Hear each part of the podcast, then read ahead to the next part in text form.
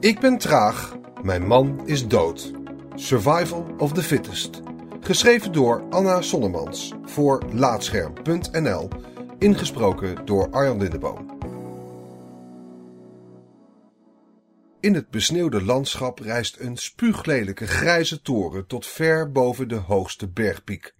Ik klaag dat hij het uitzicht vanuit de slaapkamer van mijn woonboerderij verpest.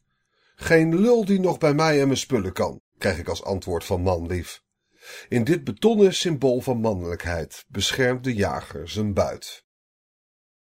Rauwe kip en carbonades. Goed voorbereid ga ik op ontdekkingstocht. Ik heb voedsel, een bed en net genoeg materiaal om s'nachts een veilig onderkomen te bouwen. Als ik er niet aan ontkom om groepen monsters te verslaan, doe ik dat met veel rennen en eindeloos wachten, zodat ik ze één voor één uit kan schakelen. Manlief zegt op zo'n moment: Wacht, ik kom je redden. Dat eindigt dan met dat ik niet alleen alsnog alles zelf moet doen, maar ook de spullen van zijn lijk moet meesjouwen. Inmiddels hou ik daar rente op in. Waar mijn echtgenoot in elk ravijn rent in de hoop er ijzer te vinden en meer dan eens de pletter slaat op de rotsen, bouw ik een keurige mijn met verlichte tunnels. Ondergrondse kamers met spawners betreedt hij vol bravoer met een houten zwaard. Ik blokkeer de ingang met een dubbele laag steen. Kip kun je midden op zee best rauw eten, vindt hij. Ik bak een lading carbonades voordat ik overweeg de deur uit te gaan. Mijn man ging in het begin vaak dood in de survival mode van Minecraft. Ik nooit. Zijn troosteloze toren is een monument voor alle Steves die bloederig stierven door roekeloosheid. Die roekeloosheid is niet alleen een eigenschap van mijn man, maar van alle mannen.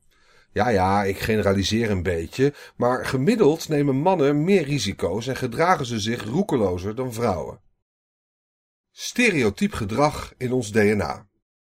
Daarin worden zij deels gestuurd door het hormoon testosteron, dat er mogelijk ook aan bijdraagt dat mannen lichamelijk eerder aftakelen dan vrouwen, zegt hoogleraar gedragsbiologie Mark Nelissen. In onze verre voorgeschiedenis konden ze daardoor aan vrouwen tonen dat ze goede jagers zijn en dat ze hun gezin kunnen beschermen.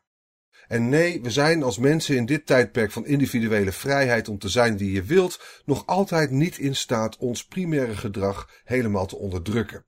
Alle gedragskenmerken die voor de mens belangrijk waren, zitten nog in onze genen en komen nog tot uiting, zelfs als ze tegenwoordig niet meer nuttig zijn, zegt Nedersen. Nu erkent de emeritus hoogleraar aan de Universiteit van Antwerpen weinig ervaring te hebben met videogames. Ook niet met games waarin Darwinisme een rol speelt. En hoewel mannen in het echt jonger doodgaan dan vrouwen, zijn er geen in-game sterftecijfers van mannelijke en vrouwelijke spelers bekend, dus staan we hier even toe de vergelijking zelf te maken. Bacon. Ik kan niet ontkennen dat hoe ik mij in games gedraag soms nogal stereotyp lijkt. Vooral of misschien juist als ik samen met een man speel. Waar mannen, volgens mij dus ook in games, snelle risico's nemen, ben ik voorzichtig en geduldig. Of zoals mijn man zegt, mijn god, vrouw, wat ben je langzaam. Ik ga dood van verveling. Doe iets! Dat lijkt op hoe Nelissen het gedrag van vrouwen evolutionair beschrijft. Vrouwen wegen eerst de mogelijke gevaren af. Dat betekent overigens niet dat vrouwen die gevaren eerst rationeel beredeneren, een grondige analyse van hun overlevingskansen maken. Zowel vrouwen als mannen gaan vaak op het buikgevoel af, zegt Nelissen. Uitgaan van intuïtie of instinct zou zelfs voor beide geslachten beter zijn, zegt hij. Nou durf ik hierin het leven niet te vergelijken met een game, toch denk ik dat buikgevoel ook hier een rol in speelt. Ik speel aardig wat spellen waarin zwijnen of varkens door de wereld schokken met als belangrijkste levensdoel de speler te voorzien in vlees en of huid. Minecraft, Rust, Horizon, Tomb Raider.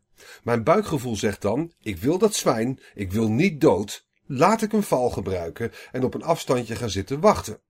Het buikgevoel van manlief, Bacon, hebben. Ah, een ravijn, moordmachine, boze beer, lege huurlingen, vechten. Hmm, dood.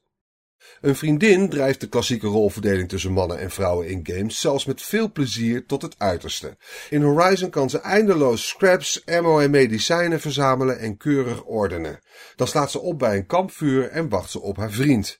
Die neemt de controle over, rent wild vechtend door vijandelijk gebied, niet zelden zonder meermaals te sterven, waarna hij het stokje, al dan niet succesvol, weer overdraagt aan de vrouw, die andermaal gaat zorgen en verzamelen. Overleven is samenwerken. Ik geniet te veel van de jacht om dat aan een ander over te laten, maar ik herken haar terughoudendheid wel. De uitkomst is meestal hetzelfde. Hoewel mijn man gewoon reloadt en het opnieuw probeert totdat hij beter is geworden en succes heeft, doe ik er net zo lang over als hij, juist omdat ik geen enkel gevaar wil lopen. Feit blijft ook dat ik minder vaak doodga. Gesterkt door het idee dat mijn bedachtzaamheid tussen aanhalingstekens typisch vrouwelijk is, was ik in de volste overtuiging dat vrouwen dus gewoon beter zijn in overleven dan mannen. In games en in het echt. Ik vroeg Nelissen dat te bevestigen. Dat deed hij niet. De mens is evolutionair ontwikkeld om goed te kunnen overleven in groepsverband. Wij zijn de meest sociale diersoort die we kennen. We zijn afhankelijk van elkaar om te overleven.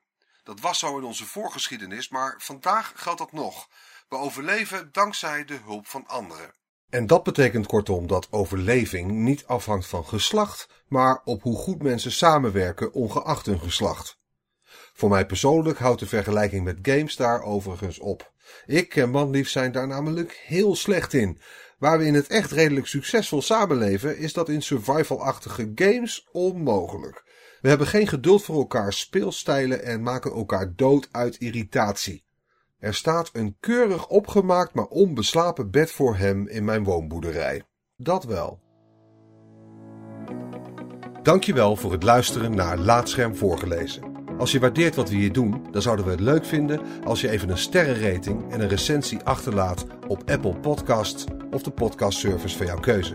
Abonneer je ook op onze andere podcast, Praatscherm. En ga voor deze en meer verhalen, geschreven of gesproken, naar laatscherm.nl.